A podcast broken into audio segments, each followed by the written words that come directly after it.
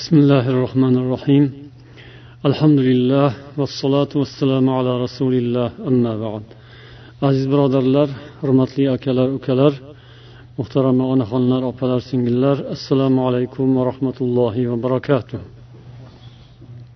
sizlar bilan yaxshi xulqlar silsilasi ichida qarindoshlik haqlari xususida suhbatlashdik bir marta bugun inshaalloh shu mavzuni davom ettiramiz Man mana shu qarindoshlik munosabatlari haqidagi yozilgan maqolalarga ko'z yugurtirganimda menga kelgan bir tasavvur shunday bo'ldiki ota ona haqlaridan ham ko'ra qarindoshlik haqlari haqida ko'proq gapirilgandek tuyulib ketdi.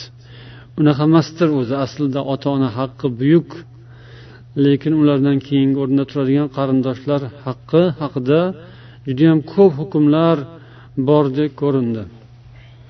Alloh taologa iymon keltirgandan so'ng qilinadigan eng afzal amal hammamizga ma'lum. Ota ona haq. Ota onaga xizmat qilish ularni duolarini olish roziliklarini olish eng muhim amal. Qarindosh urug'larnikichi desak ularni ham haqqi mana shuni ichida. Ya'ni sizlar rahm ota ona haqqining ichiga kirib ketadi. Chunki ota onaning haqqi shularsiz ado bo'lmaydi.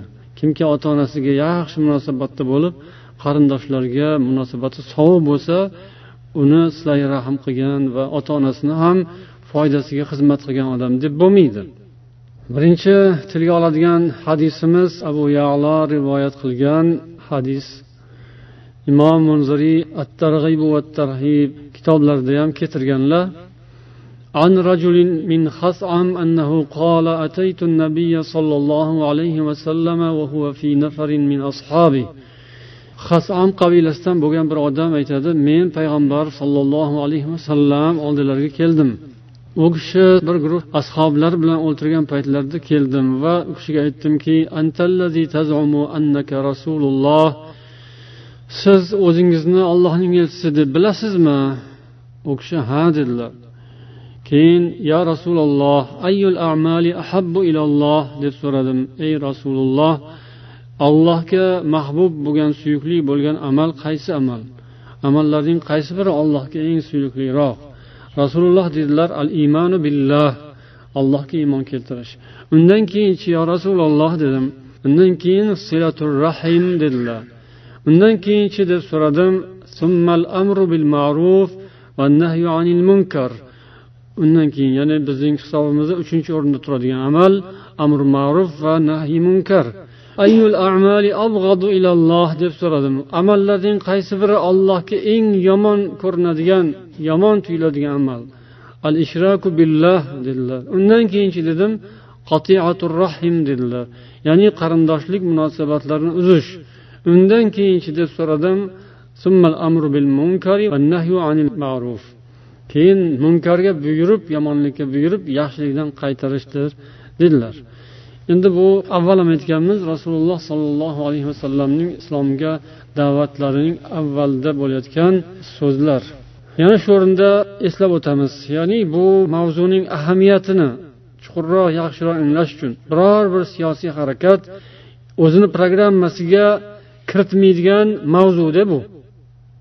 Shunisi e'tiborli. Ya'ni allohga ibodat qilgandan so'nggi darajada turadigan amalning qatorida bu yerda ota ona demasdan to'g'ridan to'g'ri ikkinchi o'rinda turadigan amal silay rahm deyildi. Birorta yoki davlat o'zini siyosati darajasida targ'ib qilmaydi shu masalani ajoyib. Lekin islom rasululloh sollallohu alayhi vasallam allohga ibodat qilgandan keyingi darajada turadigan amal nima desa silay rahm deb javob beryaptilar. Buni o'ylab ko'rish kerak. Agar biror bir siyosiy harakatga yoki biron bir davlatga shunaqa deb murojaat qilsangiz albatta eshitadiganingizni eshitasiz. Qisqasi. Nima uchun? Chunki davlatlar va hukumatparastlar oxirat uchun amal qilmaydi ular. Ular dunyo uchun intiladi. Birinchi maqsadi ularniki dunyo. Islom esa dunyodan avval oxiratni deydi. Shuning uchun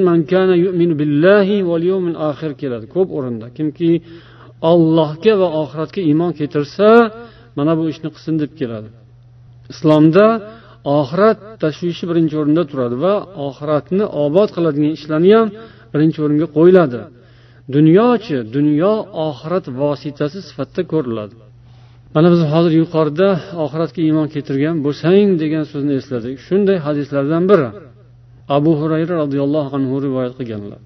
Imom buxoriy va muslim sahihlarida keltirishgan rasululloh sollallohu alayhi vasallam aytdilar man kana yu'minu billahi val yawmil akhir falyukrim dayfa kimki allohga va oxiratga iymon keltirgan bo'lsa mehmonini hurmat qilsin ومن كان يؤمن بالله واليوم الآخر فليصل رحمه kimki allohga va oxiratga iymon keltirgan bo'lsa qarindosh urug'lik munosabatlarini mustahkamlasin yoki sizlarga rahm qilsin ومن كان يؤمن بالله واليوم الآخر فليقل خيرا أو ليصمت kimki allohga va oxiratga iymon keltirgan bo'lsa yaxshi gapni gapirsin yoki jim bo'lsin ravohul buxoriy va muslim shuning uchun ham iymoni eng komil zotlar ota ona bilan yaxshi muomalada bo'lishgan ular buyuk odamlar bo'lishgan bugungi dunyodagi buyuklarning milliontasidan ham ko'ra a'loroq ulug'roq bo'lishgan lekin bularni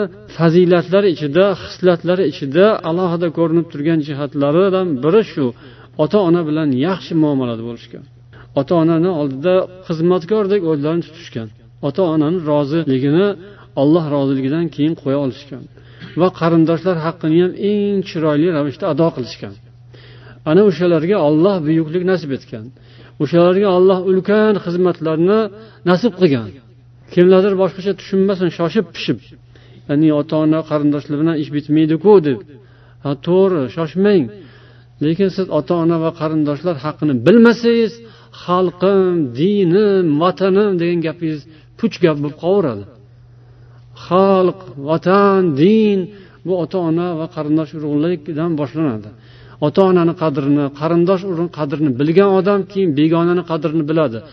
Ota onani qadrini bilmagan ming olim bo'lsin ming zo'ravon bo'lsin unga ishonib bo'lmaydi. Ota onadek zotni qadrini bilmagan xalqni qadrini bilmaydi vatanni ham qadrini bilmaydi dinni ham qadrini bilmaydi. Chunki u din o'rgatdiku unga. Olloh rasululloh va ota ona va qarindosh urug'lar deb buni e'tiborga olmasa buni nazarga ilmasa undan boshqasini qanday nazarga oladi? Unaqa odamga hech narsani ishonib bo'lmaydi. عن عبد الله بن سلام رضي الله عنه قال لما قدم النبي صلى الله عليه وسلم المدينة انجفل الناس قبله وقيل قد قدم رسول الله صلى الله عليه وسلم. قد قدم رسول الله صلى الله عليه وسلم. قد قدم رسول الله صلى الله عليه وسلم ثلاثا. abdulloh ibn salom aytadilar rasululloh sollallohu alayhi vasallam madinaga kelgan paytlari odamlar hammalari o'sha tomonga qarab intilishdi yugurishdi. Mana yuqorida man uch marta takrorlagan so'zni ma'nosini tarjima qilmasimdan oldin tushunib bo'ldinglar inshaalloh. Rasululloh sollallohu alayhi vasallam kelibdilar deb odamlar hamma yoqda gap so'z bo'lib ketdi. Abdulloh ibn salom kim bu kishi? Yahudiylarning ulamolaridan va ularni ichida birinchi bo'lib musulmon bo'lgan inson. Odamlarni ichida keldim men ham dedilar. Man o'shani yuzlariga shunday qaradim. Qarab araftu anna vajhahu laysa biwajhi kazzab. Shuni yuzlari kazzob yolg'onchining yuziga o'xshamaydi. Ya'ni insonning yuzidan ham nimalardir alomatini farosatli odamlar o'qiy oladi o'qisa bo'ladi. Bu endi hukm emas hukmlar chiqarilmaydi. Lekin insonlar xulqi atvori haqida shu insonga yordam bo'ladigan vositalar jihatlar alomatlar. Alomatni o'zi bilan hukm qilinmaydi hech qayerda. To u aniq hujjat dalil bo'lmaguncha. Lekin alomatlar ham e'tiborga olinadi. U kishini yuzlariga qarab turib demak bu odam yomon odam bo'lmaydi. Bu odamdan yolg'on so'z chiqmaydi deb o'yladim dedilar abdulloh ibn salom. فكان أول شيء سمعته تكلم به أن قال أكشدان برينش مراتبة إيش كان سوزم. قرين برينش مراتبة إيش كان سوزم ديجان عبارة جيدة بابيرش مسكري. يا أيها الناس أفشوا السلام وأطعموا الطعام وصلوا الأرحام وصلوا بالليل والناس نيام تدخلوا الجنة بسلام. رواه الترمذي وابن ماجه وأحمد. Birinchi eshitgan so'zim ey odamlar salomni oshkoro yoyingiz va odamlarga taom beringiz. Qarindosh urug'larning haqqini ado etingiz. Odamlar uxlab yotgan paytda tunda namoz o'qingiz. Jannatga sog' omonlik bilan kiringiz dedilar rasululloh sollallohu alayhi vasallam. Mana shu aytilgan so'zlar ham har biri bir olam ma'no bor. Har biri haqida soatlab gapirsangiz bo'ladi. Ya'ni salomlashish o'zaro salomni chiroyli berish mehmondo'stlik qo'li ochiqlik saxovatpeshalik boymi kambag'almi demasdan demak taom berish. Bu yerda boy kambag'alga ajratmadilar. Taom beringlar odamlarga ovqat beringlar. Ya'ni insonlarga odamlarni mehmon qilishni o'rganinglar. Va qarindosh urug'lik munosabatlari va tunda namoz o'qish. Subhanalloh qarindoshga ehson. Ikki marta savob desak bo'ladi. Bu nuqtani. عن سلمان بن عامر رضي الله عنه أنه قال قال رسول الله صلى الله عليه وسلم إن الصدقة على المسكين صدقة وعلى ذي الرحم اثنتان صدقة وصلة رواه النسائي والترمذي وابن ماجه رسول الله dedilarki miskinga sadaqa qilish bu sadaqadir. Qarindoshga sadaqa qilish esa ikkalasi hamdir. Ya'ni sadaqa ham va silai rahm ham. Demak qarindoshga qilinadigan muomala ikki marotaba savob bo'ladi. Qarindosh boy bo'lsachi degan savol ham tug'ilishi mumkin. Unga mana bu hadis yoki mana bu asar javob bo'ladi. Ibn abid dunya makarimul axloq kitoblarida atodan rivoyat qiladilar. U kishi aytgan ekanlarki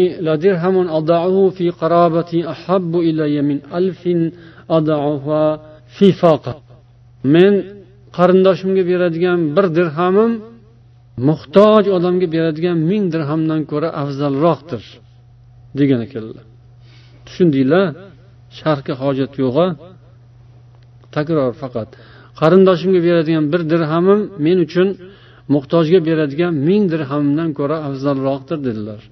Keyin u kishiga aytishdiki yo abu muhammad va misli fil ana agar mani qarindoshim o'zimga o'xshagan bo'lsachi boylikda manga o'xshagan boy bo'lsachi deb so'radim deydilar qola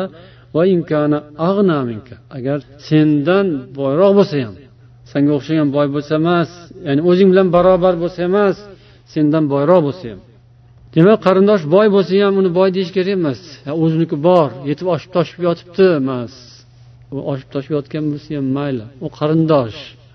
Buni e'tiborga olish kerak. Qarindoshni boy bo'lsa ham shunday siylash kerakligini ko'rdik. Endi qarindosh yomon bo'lsachi bunisi ham bor. Ba'zilar o'zi yaxshi qarindoshi yomon. Unaqa bo'lsachi unga mana uzun hadis javob bo'ladi. Bu hadisni ko'pchiliklaringiz eshitgansizlar voqeasini abu bakr siddiq roziyallohu anhuning o'z qasamlaridan qaytganlari haqidagi hadis. Bu hadisning qissasi mashhur ya'ni ifk voqeasi oysha roziyallohu anhu onamiz haqlarida tuhmatlar bo'lgan munofiqlar tomonidan va iymoni zaif musulmonlar buni tarqatgan kuchaytirishgan ya'ni nodonlik qilishganlar ham bo'lganlar. Shunga bog'liq bir voqea ummu rumon roziyallohu anhu rivoyat qiladilar. Bu kishi aytadilar bir kuni men oyshaning huzurlarida o'tirganimda bir ayol kirib keldi ansoriylardan bo'lgan. U o'zini o'g'lini so'kdi kirib. Olloh buni palon qilsin olloh buni piston qilsin dedi. Keyin oysha roziyallohu anhu hayron bo'ldi. Nimaga unaqa deyapsiz deganda u ham ana shu gaplarni ichiga kirib ketdi. U ham shunaqa gaplarni gapirgan. Nima gapni deb oysha so'radilar. Ya'ni butunlay u kishi bexabar edilar bu gaplardan. Keyin u ayol gapirib berdi. Falon mana bunaqa bo'ldi bunaqa bunaqa gaplar bo'ldi deb. Keyin oysha hayron bo'lib aytdilarki rasululloh sollallohu alayhi vasallam bu gap rasululloh sollallohu alayhi vasallamga ham yetdimi? deb so'radilar. Ha dedi haligi ayol. Abu bakr abu bakrga ham yetdimi bu? Ha dedi ayol. Shundan keyin oysha o'zlaridan ketib yiqilib qoldilar hushdan ketib. Bundan keyin ko'p voqealar bo'lgan ancha muddatlar o'tgan orada keyin eh, oxiri rasululloh sollallohu alayhi vasallamga alloh taolo oyat nozil qilgan. Ya'ni oysha roziyallohu anhu onamizni pok zot ekanliklari haqida olloh yetti osmonlar ustidan arsh ustidan olloh vahiy yuborgan oyat tushirgan. Shunda o'sha odam ya'ni haligi yuqorida zikri o'tgan odam abu bakr siddiq roziyallohu anhuning qarindoshlari bo'lgan ekan. Uning ismi nima edi? Kim eslaydi? Mistah ha rahmat. U kishi qasam ichadilar. O'sha mistahga abu bakr siddiq roziyallohu anhu u kambag'al muhtoj miskin odam ekan. Unga bu kishi ko'p muruvvat qilar ekanlar. Doim uni holidan xabar olib yordam qilib turar ekanlar. Va bu ishga demak uni aralashgani uni bu darajada nodonlik qilganini eshitganlaridan keyin qasam ichdilar. Ikkinchi unga yaxshilik qilmayman unga muruvvat qilmayman ikkinchi ehson qilmayman deb qasam ichganlaridan keyin alloh taolo oyat nozil qildi.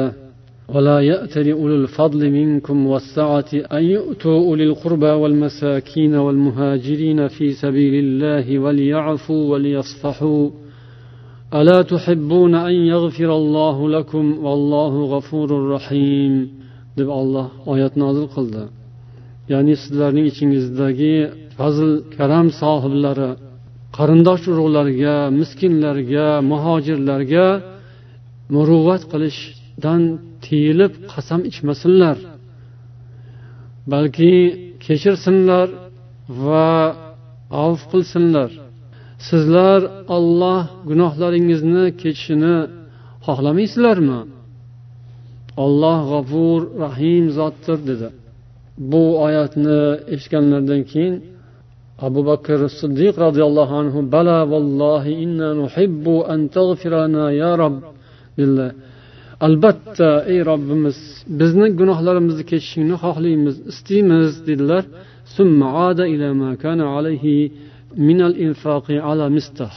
Shundan keyin avvalda qanday muomala qilgan bo'lsalar yana o'shanday muomalani davom ettiraverdilar. O'sha ehsonlarni o'sha yaxshiliklarni qilishga kirishib yana davom etdilar.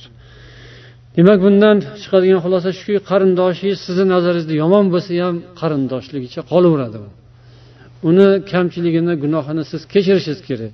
Agar sizni nazaringizda u gunoh qildi sizga yomonlik qildi sizga shunday bir beodoblik qildi sizga yana nimadir nimadir qildi va hokazo siz biz bu oyatga quloq solishimiz kerak ekan.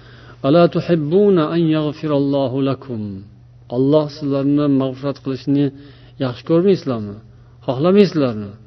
Hamma xohlaydi. Ollohdan mag'firat kutadi hamma.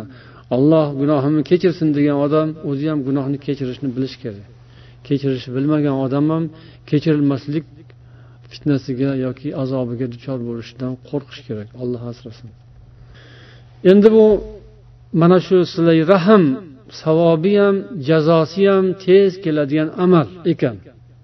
Bu mana bayhaqiy rivoyat qilgan hadislarda kelgan alboniy sahih sanagan abu hurayra roziyallohu anhu rivoyat qilganlar قال رسول الله صلى الله عليه وسلم ليس شيء أطيع الله فيه أعجل ثوابا من صلة الرحم وليس شيء أعجل عقابا من البغي وقطيعة الرحم bu dunyoda allohga itoat sifatida qilinadigan yaxshi amallar ichida savobi tez keladigan amal Silay rahmdan ham ko'ra savobi tez keladigan amal yo'q.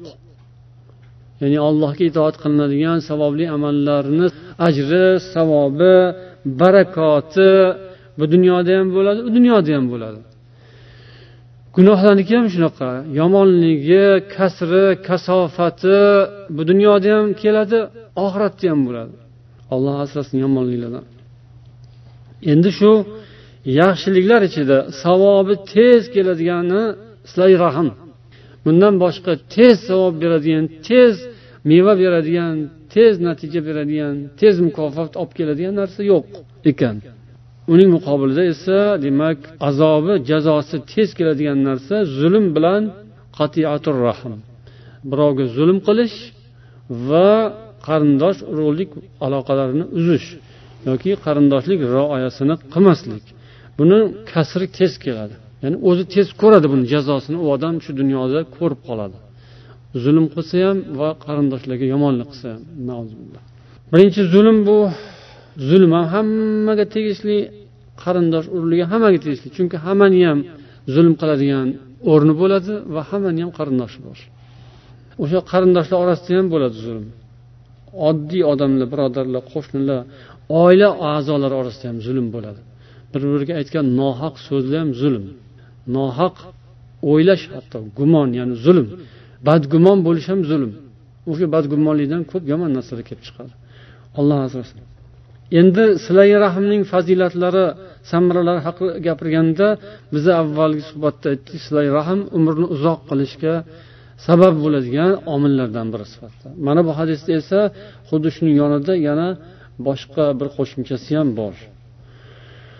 عن علي رضي الله عنه قال قال رسول الله صلى الله عليه وسلم من سره أن يمد له في عمره ويوسع له في رزقه ويدفع عنه ميتة السوء فليتق الله وليصل رحمه رواه أحمد والبزار والطبراني kimki umri uzoq bo'lishni yaxshi ko'rsa istasa rizqi keng mo'l bo'lishni istasa va yomon o'lim topishdan omon bo'lishni istasa allohdan taqvo qilsin va qarindosh urug'lik munosabatlarini mahkam ushlasin.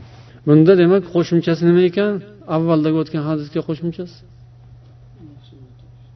Yomon o'limdan asrash yomon o'lim topishdan omon bo'lish yomon o'lim ya'ni olloh asrasin yomon yomon holatda o'lish yaxshi holatda o'lgan yaxshi. Baribir o'lamiz ilohim yaxshi holatda o'laylik. Shahidlik maqomini ollohdan so'rashimiz kerak. Olloh shahidlar qatorida qilsin deb so'rashimiz kerak. Yaxshi o'lim topgan yaxshida o'zi bir marta keladi dunyoga bir marta tug'ilib bir marta o'ladi odam. Tug'ilgani ham mayliku qanday holatda tug'ilsa ham odam xursand bo'laveradi. Kimdir samolyotda tug'iladi kimdir poyezdda kimdir uyda kimdir tug'ruqxonada kimdir u shaharda kimdir bu shaharda. Xayr u judayam e'tiborli emas. Tug'ildi xursandlik bo'laveradi qayerda tug'ilsa ham. Lekin qanday holatda o'lish bu e'tiborli. Qanday holatda tug'ilgan bo'lsa o'shanday tiriladi degan gap yo'q. Qanday o'lgan bo'lsa o'shanday tiriladi degan hadis bor. Shuning uchun yaxshi niyat bilan pokiza holatda iymonimiz kuchayib turgan paytda allohga yaqin bo'lib turgan mahalimizda ibodat paytida alloh taolo omonatimizni olsin va o'sha shahidlar qatorida bo'lishimizni alloh nasib etsin. Yomon o'limdan qo'rqqan odam qarindosh urug'likni yaxshi ushlaydi. Qarindosh urug'larga ko'p yaxshilik qiladi va undan og'rinmaydi o'ziga og'ir olmaydi xursand bo'ladi. Qarindoshlarni boriga shukur qiladi. Ota onasi hayot bo'lganlar unga shukur qilish kerak. Baxt bu. Baxt qushi shunday bitta emas ikkita baxt qushi ikkita yelkasida turganday. Ertaklarda bitta baxt qushi bo'ladigan bo'lsa bu haqiqatda ikkita baxt qushi bu. Ota onani borligi. Va qarindosh urug'larni borligi va ko'pligi. Ba'zilar qarindosh urug'larni ko'pligidan charchab ham malol ham olsa ehtimoldir lekin aqlli odam bo'lsa demak uni oldida shuni imkoniyatlarni ko'pligidan xursand bo'lish kerak va bular imkoniyat va yaxshilik bular.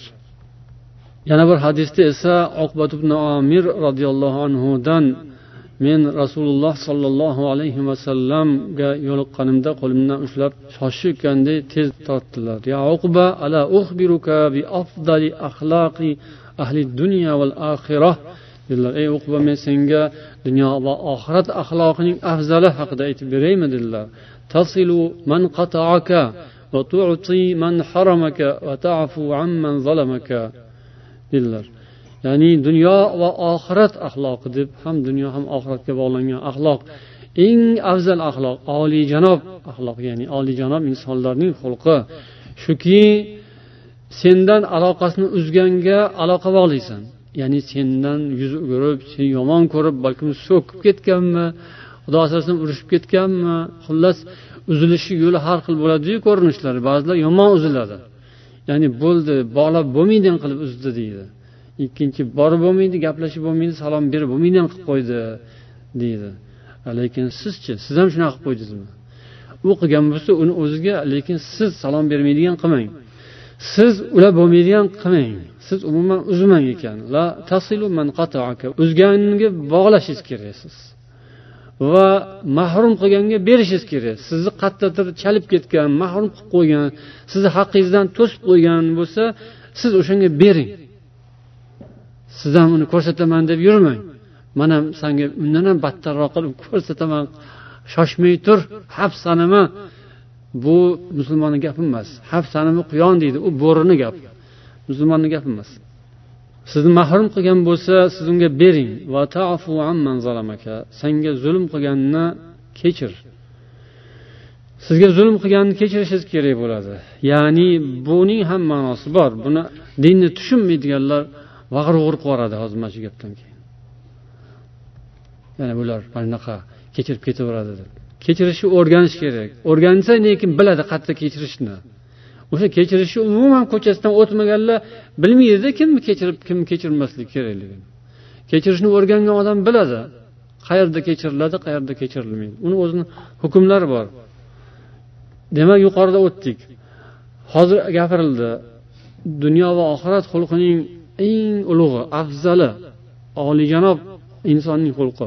Bu yerda qarindoshlik haqi ya'ni o'sha yerda aloqani uzganga bog'lanish dedik. Mana bu hadisda bu narsa aniq aytilgan. Bu hadis emas asar xabar. Sulaymon bin muso qiyla li ibn muhayriz ma haqqur rahim?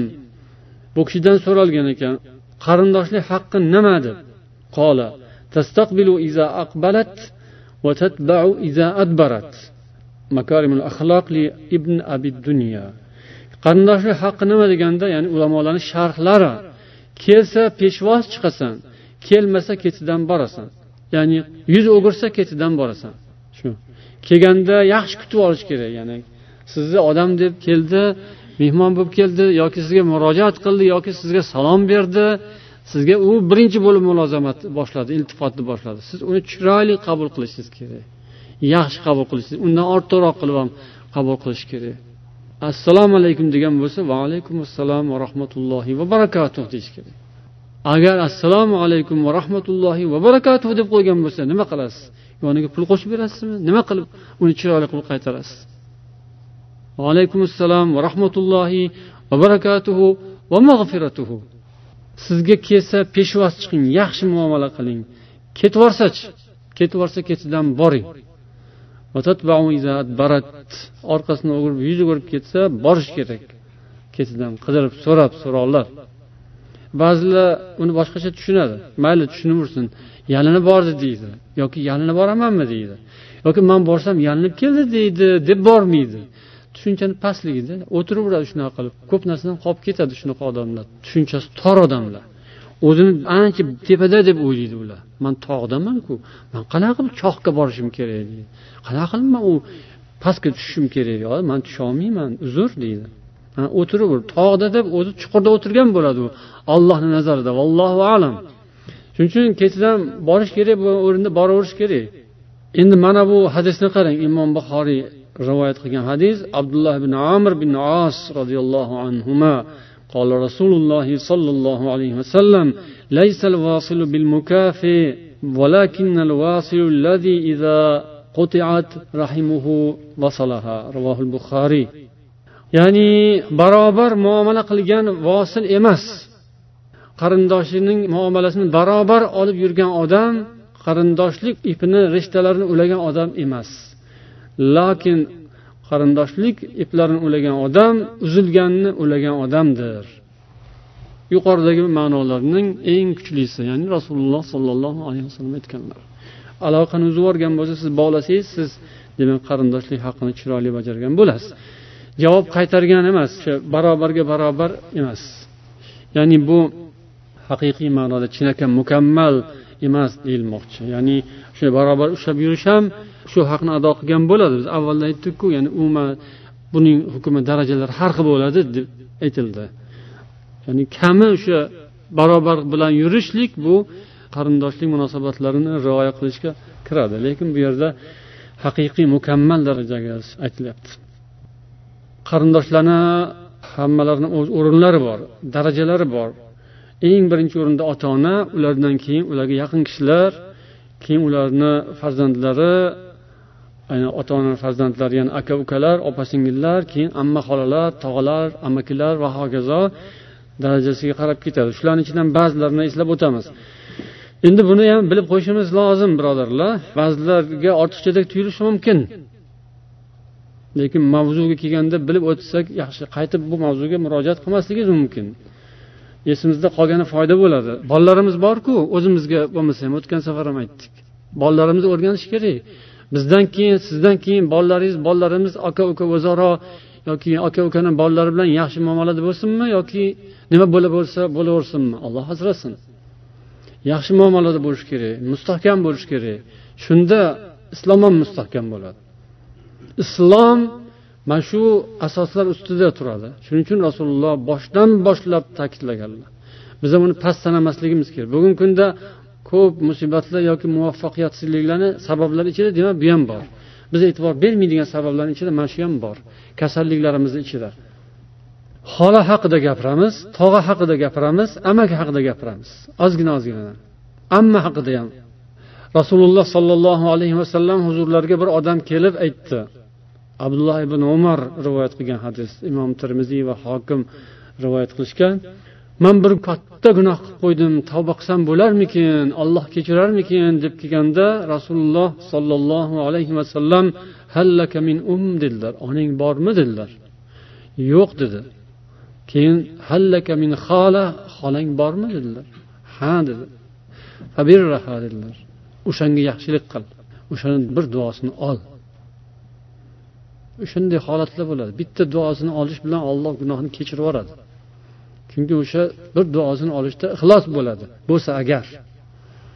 Nomiga ko'z ko'rona ko'z bo'yamachilikka emas. Chin dildan ixlos bilan qilingan bir kichkina amal bilan katta narsa qo'lga kiradi inshaalloh. Shuning uchun ixlosni yo'qotmasligimiz kerak. Riyodan butunlay uzilishimiz kerak qutulishimiz kerak. Yana bir hadislarida al xolatu bimanzilatil um deganlar. Ravohil buxoriy va muslim. Xola ona o'rnidadir. Ya'ni bu hazonat masalasida kelgan ya'ni shunaqa rasululloh otasiz qolgan onasiz qolgan yetimlarni qarindoshlarga berganlar o'shanda talash bo'lgan ba'zi o'rinlarda qarindoshlar man olaman man olaman deb yetim qolgan farzandlarni sahobalarni o'rtasida o'shanda rasululloh sollallohu alayhi vasallam hukm qilganlarida mana shunday hukm qilganlar ya'ni xolasiga berganlar. Al xolatu bi manzilatil um deganlar. Xola ona o'rnida bo'ladi deganlar. Demak xolasi borlar ham echinglardan chiqmasin xolanglar g'animat xola ham ba'zan shu onani yonida xola esdan chiqib qoladi. Onasi borlar shu. Bu ham e'tiborga olish kerak bo'lgan narsa.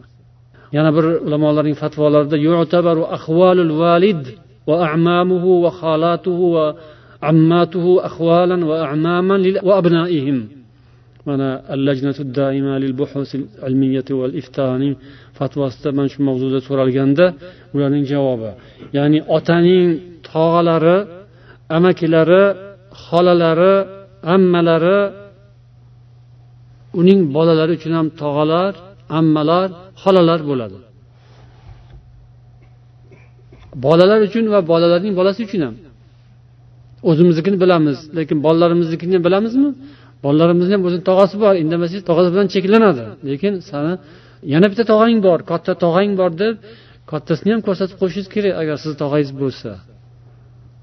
Yoki sizni ayolingizni tog'asi bo'lsa tog'asi ham yoki amaki.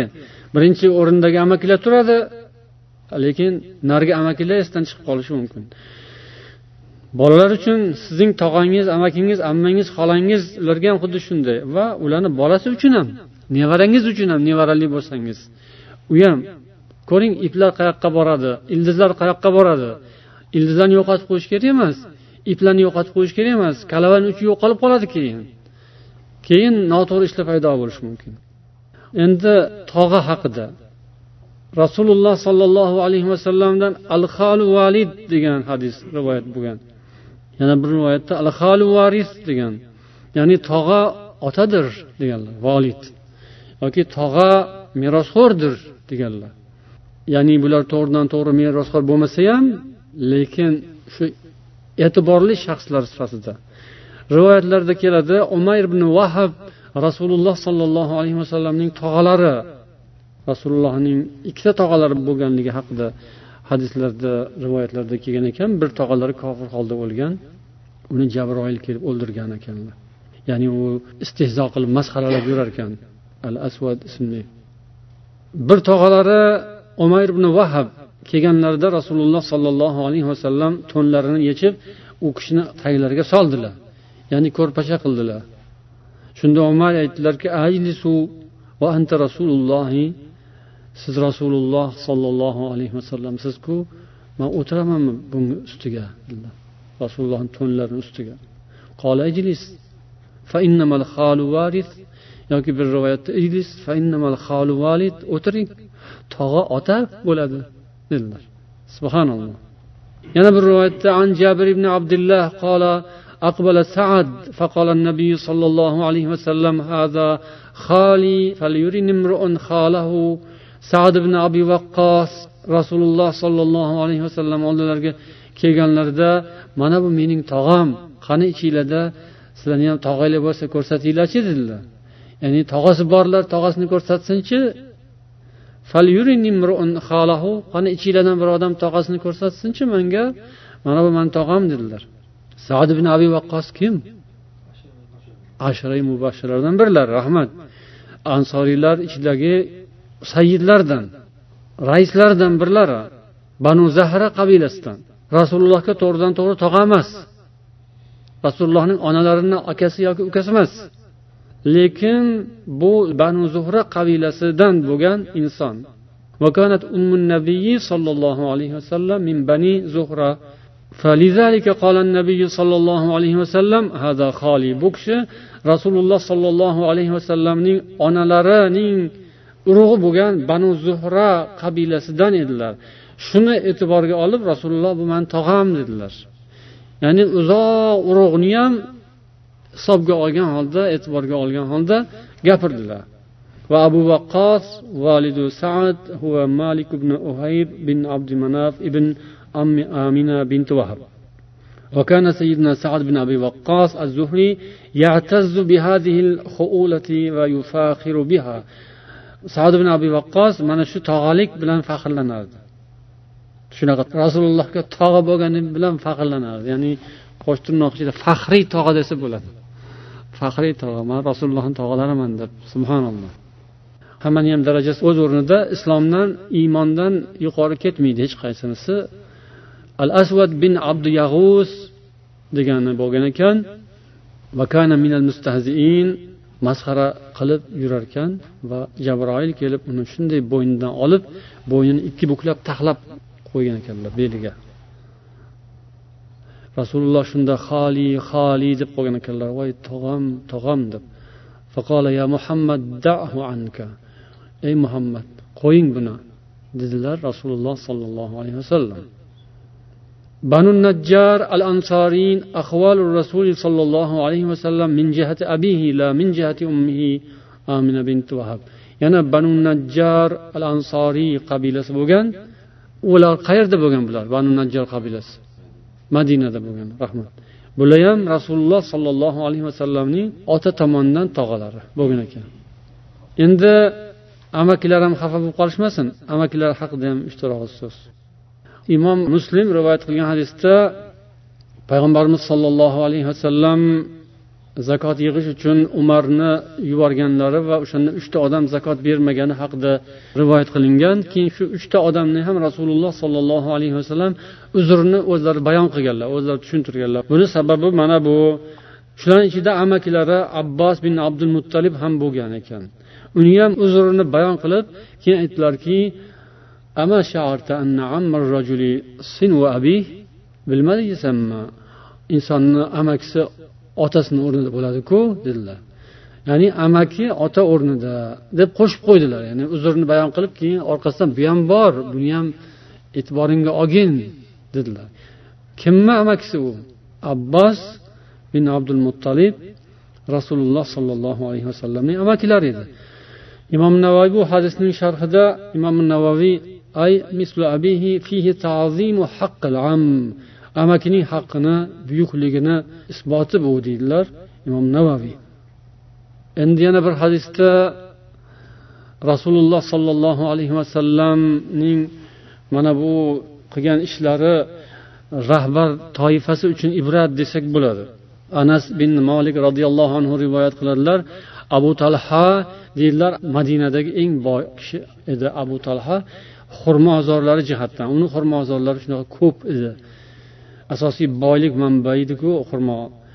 Va u kishini eng yaxshi ko'rgan bog'i bayroho degan bog' edi.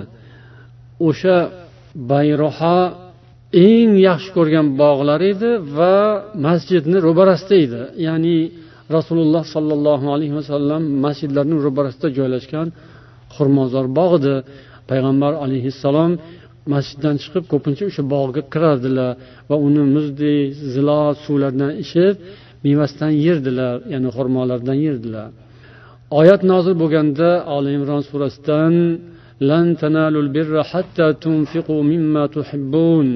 Sizlar o'zingiz yaxshi ko'rgan narsadan ehson qilmaguningizcha hech qachon yaxshilikka erisha olmaysizlar degan oyat nozil bo'ldi.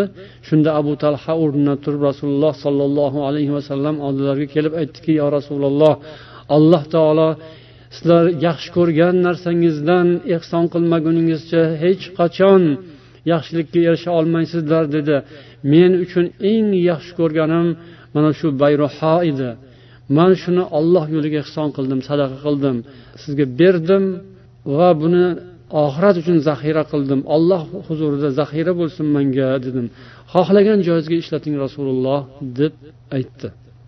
Shunda rasululloh sollallohu alayhi vasallam baxt dedilar. Ya'ni kalimatun rido val madh. Ya'ni odam rozi bo'lganda va xursand bo'lganda aytiladigan so'z bay bay desak bo'ladi. Voy bu ham deb qo'yadi. Uning har xil iboralari ko'p endi o'zbeklarga ularni xursand qilsangiz chiqaveradi. Har xili chiqishi mumkin inson. Bay bay bu judayam bir ulkan molku dedilar man sani so'zingni eshitdim aytganini eshitdim dedilar. Man uni sen qarindoshlaringga bo'lib berishingni to'g'ri deb bilaman dedilar. Ya'ni olloh sizga nimani ko'rsatsa o'shanga ishlating deganda man qarindoshlaringga bo'lib bera qolgin deyman dedilar mana qarang. Afalu ya rasululloh keyin mayli shunday qilaman dedi abu talha. Abu talha fi aqaribihi va bani ammi. Uni qarindoshlari va amakilarining o'g'illari o'rtasida taqsimlab berdi. Endi bu mana shuni bugungi kunga taqqoslab ko'rsangiz bironta holat shunaqa ro'y beradigan bo'lsa unga nima deb javob beriladi? Har xil javob berilishi mumkin qisqasi. Lekin rasululloh sollallohu alayhi vasallam mana shunday ulkan boylik kelgan mahalda uni ham o'rnida bo'lgandir. Kambag'allarni ham miskinlarni ham doimo holidan xabar olganlar ammo mana shunday holatlarni ham eslaridan chiqarmaganlar. Ya'ni shunday katta narsani ham bo'pti davlat foydasiga yoki musulmonlar foydasiga unga bunga desalar ham hech narsa bo'lmas edi. Balki qarindoshlaringga bo'lib ber deyishlari bu bugungi kundagi rahbar toifalar uchun demak bu ham bir ibrat. Ya'ni insonlarni o'zaro qarindosh urug'lik munosabatlarini tiklanishi va mustahkamlanishiga yordamchi bo'lish. Mana bu hadisda rasululloh sollallohu alayhi vasallam uzoq qarindoshlik rioyasini aytganlar. Abu zar g'iforiy roziyallohu anhudan rivoyat aytadilar bu hadisda ya'ni muslim rivoyat qilganlar innakum sataftahuna misr sizlar yaqinda misrni fath qilasizlar. Bu yerda qiyrot degan so'z ishlatiladi ya'ni qiyrot pul birligi bor. Misrni fath qilganlaringizda uning ahliga yaxshilik qilinglar. Chunki ularni bizning ustimizda qarindoshlik haqlari bor. Yana bir rivoyat yoki av qola zimmatan va sihron ularni bizda qarindoshlik va qudalik haqlari bor dedilar. Ya'ni buning ma'nosi nima? Qarindoshlik haqi bor deganlarini nima deb tushunasizlar? Qanday qilib misrliklar rasululloh sollallohu alayhi vasallamga qarindosh bo'lishi mumkin? Birinchisi demak kim? Ibrohim alayhissalomning ayollari hojar ummi ismoil minhum. Ya'ni ismoilning onasi hojar misrlik. Ya'ni misrning fir'avni hadya qilgan. Hazrati ismoil alayhissalomdan esa muhammad sollallohu alayhi vasallam keyin tug'ilganlar u kishini zurriyotlaridan qudalik deganlari esa buning ma'nosi nima? Ummi ibrohim to'g'ri. Ummi ibrohim mariya qibtiya deb qo'yiladi. Ular ham misrlik bo'lganlar. Endi suhbatimizni nihoyasiga yetyapmiz. Qarindosh urug'lik haqida umarning so'zlari. taallamu ansabakum summa silu arhamakum vallohi innahu la yakunu bayna ar-rajuli va bayna akhihi shay'un ولو يعلم الذي بينه وبينه من داخلة الرحم لأوزعه ذلك عن انتهاكه umar aytgan ekanlar sizlar nasl nasablaringizni o'rganingiz keyin qarindosh urug'larga yaxshilik qilingiz allohga qasamki inson birodari bilan o'rtasida bir ba'zi narsalar o'tib qoladi Ya'ni sovuq narsalar demoqchilar. O'shanda agar orasida qarindosh urug'lik borligini bilsa uni bir birini tahqirlashdan to'sib qoladi qarindosh urug'lik o'zaro bir birini obro'sini to'kish va bir birini tahqirlash haqoratlash kamsitish yoki va hokazo shunga o'xshagan narsalardan to'sadi dedilar. Kim? Umar roziyallohu anhu. Shuning uchun nima qilinglar dedilar? Qarindosh urug'larni taninglar o'rganinglar. Qarindosh urug'lar bir birini esdan chiqarib qo'yadi ba'zida uzoqroq qarindoshlar. Shuning uchun farzandlarga o'rgatish kerak o'zini nasl nasablarini shajarlarini.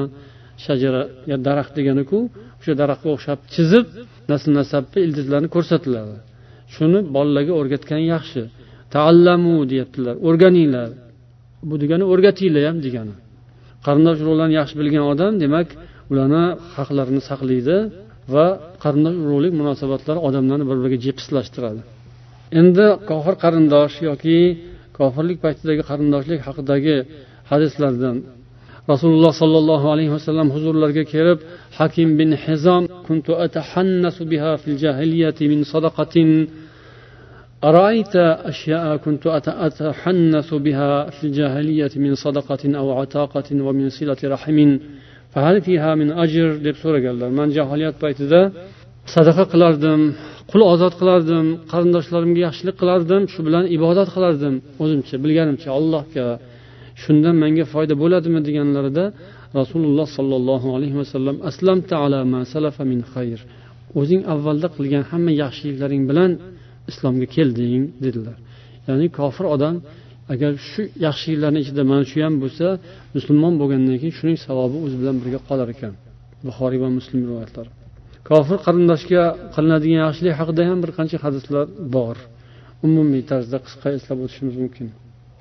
Hazrati umar roziyallohu anhu o'zlarini hali musulmon bo'lmagan qarindoshlariga makkadagi bir kofir akalari yoki ukalariga hadya jo'natganlari haqida buxoriyda rivoyat keladi qarindosh demak kofir bo'lsa ham unga yaxshilik qilish kerak qarindoshlik haqqi bor va bu uni islomga kelishiga turtki ham bo'ladi qarindosh gunoh ustida bo'lsa unga ham yaxshilik qilish kerak قال الفضل بن عبد الصمد لأبي عبد الله رحمه الله تعالى رجل له إخوة وأخوات بأرض غصب ترى أن يزورهم ya'ni ahmad ibn hambaldan so'ralgan ekan bir odam aka ukalari yoki opa singillari bosib olingan yerda yashaydi ya'ni harom yerda yashaydi. Birovni mulkini bosib olib imorat qilib o'sha yerda birovni haqqini o'zlashtirib olib o'sha yerda yashayotgan bo'lsa o'shani ko'rishga ziyoratga borsa bo'ladimi deb so'ralganda u kishi ha deb javob berdilar. Ularni ziyorat qiladi va o'sha yerdan chiqishga targ'ib qiladi. Shu haromdan qutulishga targ'ib qiladi. Agar ular qabul qilishsa yaxshi bo'lmasa ular bilan birga yashamaydi u yerda. Lekin ularni ziyoratlarini tark qilmaydi.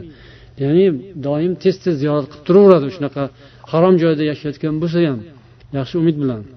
Endi qarindoshning dini uchun ko'proq qayg'urish haqida. An abi hurayra roziyallohu anhu bu kishi rivoyat qilgan hadis muslimda keladi. Alloh taolo degan oyat nozil qilganda ya'ni yaqin qarindoshlaringizni ogohlantiring qo'rqiting deb olloh buyurganda rasululloh sollallohu alayhi vasallam qurayshni hammasini yig'dilar. Ya'ni qurayshni turli xil urug'lari bilan yig'dilar. Ommatan ham xosatan ham ularga murojaat qildilar. Ya bani kab bin luay deb banu kabni urug'iga. Yoki ya bani murrat ibn kab va yana ya bani abdi shams ya bani abdu manaf ya bani hashim ya bani abdul muttolib ya fotima hamma qarindoshlariga alohida alohidadan urug'i bilan nomi bilan murojaat qilib aytdilar. Sizlar o'z jonlaringizni do'zax olovidan qutqaringiz. Ey fotima sen ham o'z joningni do'zax olovidan qutqar. Men sizlarga olloh oldida hech narsa qilib bera olmayman.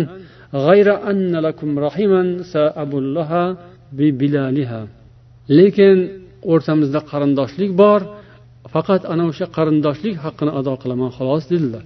Demak qarindoshlarni islomga iymonga da'vat qilish bu ham qarindoshlik haqqi hadya yaxshi muomala yaxshi so'zlar bular faqat qarindoshgayu nasihat amr ma'ruf qattiq qattiq gaplar begonalargami? Unaqa emas. Demak qarindoshga ham nasihat unga ham da'vat kerak bo'ladi. Yana bir nuqtamiz. Qarindoshlik haqqi haqdan ustun emas degan salloha bilan atasak bo'ladi. Qarindoshlik haqqi haqida ko'p gapirdik lekin bu haq haqdan ustun bo'lmaydi. Nima deganimiz?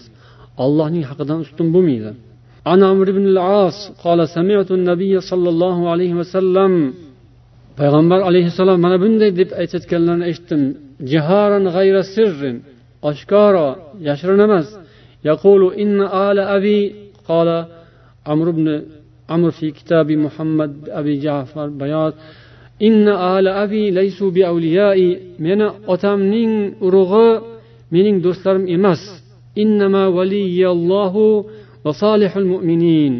Mening do'stlarim olloh va solih mo'minlardir dedilar. Ya'ni biz qarindosh urug'lik haqida gapirganimizda buni ham eslab o'tishimiz kerak. Bu nuqta ham bor.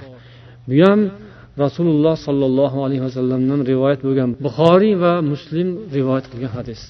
Otamning urug'lari mening do'stlarim emas mening do'stim olloh va mo'minlarning ichidagi solihlari solih mo'minlar mening do'stlarim dedilar. Lahum rahimun abulluha bi balaliha lekin ularga qarindoshlik haqlari bor ularda. Mening ustimda ularning qarindoshlik haqlari bor.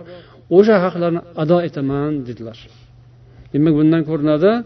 Ma'nal hadis la uvali ahadan bil qarobati. Man hech kimga qarindoshlik uchun do'stlik qilmayman. Do'st bo'lishda qarindoshlik asos bo'lib xizmat qilmaydi. Birinchi asos bu nima? Iymon. Ya'ni do'stlik iymon bilan bo'ladi. Do'stlik iymon ustiga quriladi.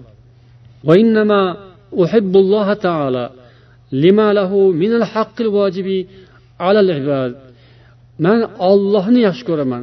Chunki bandalar ustidagi ollohning haqqi ko'pligidan ulug'ligidan buyukligidan. Va uhibbu solihal mu'minin va solih mo'minlarni yaxshi ko'raman.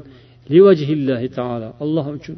Va uvali man uvali bil iymani vassalohi savaun kana min zavi rahmin avla va men iymon asosida do'stlik qilaman. U xoh qarindosh bo'lsin xoh begona bo'lsin.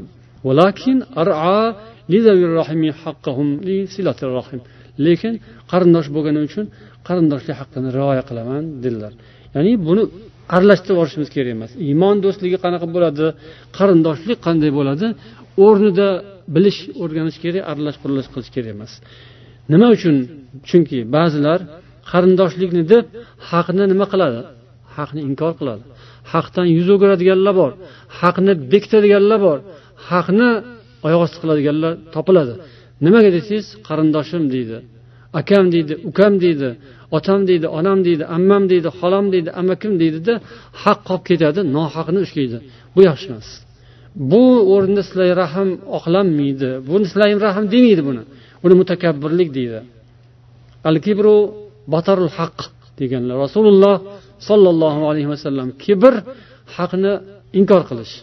Qarindoshim deb haqni inkor qilsa mutakabbir. U silay rahm qilgan odam emas. Unga silay rahmni savob yozilmaydi. Mutakabbirni gunohi yoziladi. Mana bu oyat bunga yaxshigina javob.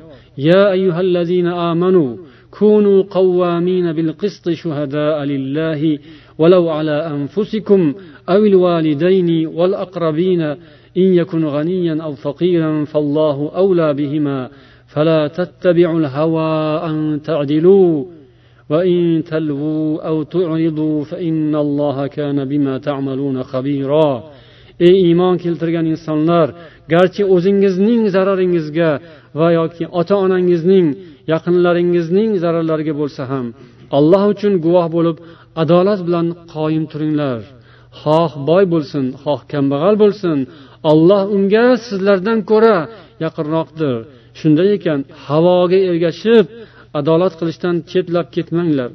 Agar sizlar guvohlikni o'zgartirsanglar yoki uni ado etishdan yuz o'girsanglar unda olloh sizlarning qilayotgan ishlaringizdan albatta yaxshi xabardor zotdir degan.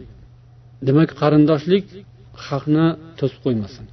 Yana bir hadisda abu bakr siddiq roziyallohu anhu bilan fotima roziyallohu anhu o'rtalarida bo'lgan so'zlashuv zikr qilingan. Mana shu mavzu ichiga buni ham keltirishgan ya'ni abu bakr roziyallohu anhudan fotima onamiz otamdan qolgan merosni bersangiz deb so'ragan ekanlar. Ya'ni bog'larni so'raganlarida abu bakr siddiq roziyallohu anhu payg'ambarlar biz meros qoldirmaymiz. Nimaiki qoldirgan bo'lsak biz uni musulmonlarga qoldiramiz. Ya'ni sadaqa olloh yo'lida sadaqa bo'ladi deganlar.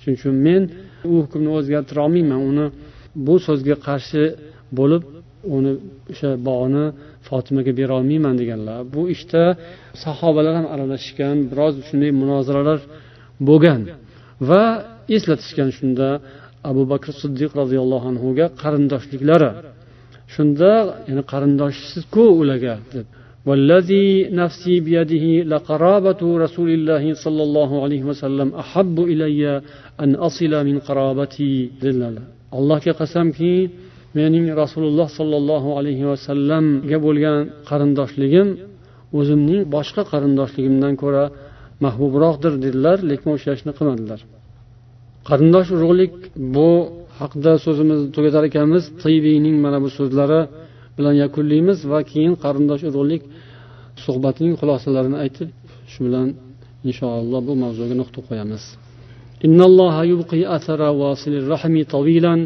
فلا يضمحل سريعا كما يضمحل أثر قاطع الرحم alloh taolo silai rahmni ushlab boradigan odamning asarini alomatlarini samarasini o'chirmaydi uzoq vaqt qoldiradi qarindosh urug'lik aloqalarni uzadigan odamning asarini tez o'chirganidek bunikini o'chirmaydi ya'ni qarindosh urug'likni esdan chiqarganlar esdan chiqadi tez o'zlari ham o'chiriladi bu suhbatning xulosasi ulamolar bu yerda yettita xulosani keltirishgan. Birinchisi alomatu kamalil iymon va husnul islom. Iymon komilligi va islomining chiroyli ekani alomati. Ikkinchisi rizq ro'z keng bo'lishi umrlarga baraka kirishining sababi. Uchinchisi iktisabu ridor robbi summa muhabbatul xalq. Rob taoloning roziligini kasb qiladi inson keyin haloyiqning muhabbatiga sazovor bo'ladi. To'rtinchisi ijtimoiy aloqalar. Oila ichida qarindoshlar o'rtasida va butun jamiyatda musulmonlarni bir biriga bo'lgan munosabatlari mustahkamlanadi.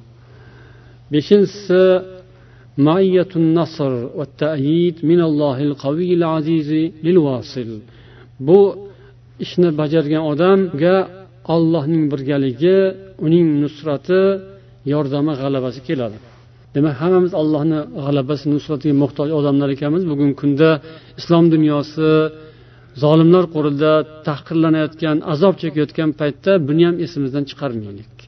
Allohni nusratiga sabab bo'ladigan ishlar ko'p va bularni ichida bu ham bor. Hammasini qilib buni tashlab qo'ysak esimizdan chiqarsak allohning nusrati kelmayotgan bo'lsa ayb o'zimizda bo'ladi. Oltinchisi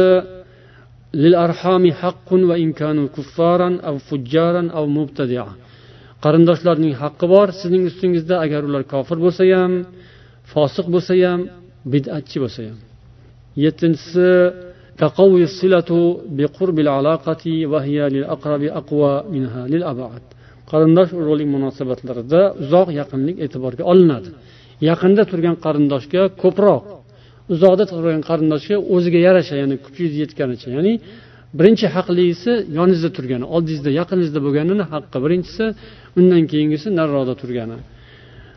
Alloh taolo hammamizga o'zining roziligiga olib boradigan ishlarni chiroyli toat ibodat solih amallarni oson qilsin.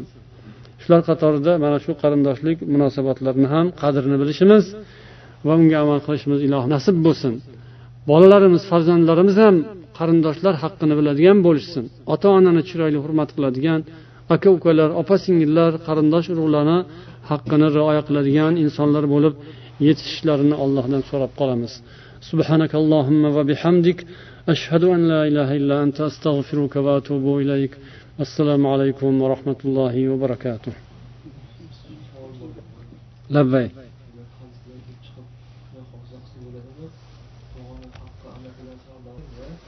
bu kishi aytyaptilar tog'aning haqqi amakinikidan balandroq bo'ladimi deyaptilar. Vallohu alam unday emas. Bu yerda qarindosh urug'larning ichida yaqinlari degan ma'noda aytildi allohu alam. Yaqinlikda tog'a ham amaki ham yaqin. Yana bir jihati bor hazonat masalasida demak amaki turadi tog'adan oldin. Bolaga agar uni qarovchisiz qolib ketgan bo'lsa tog'aga emas amakiga topshiriladi.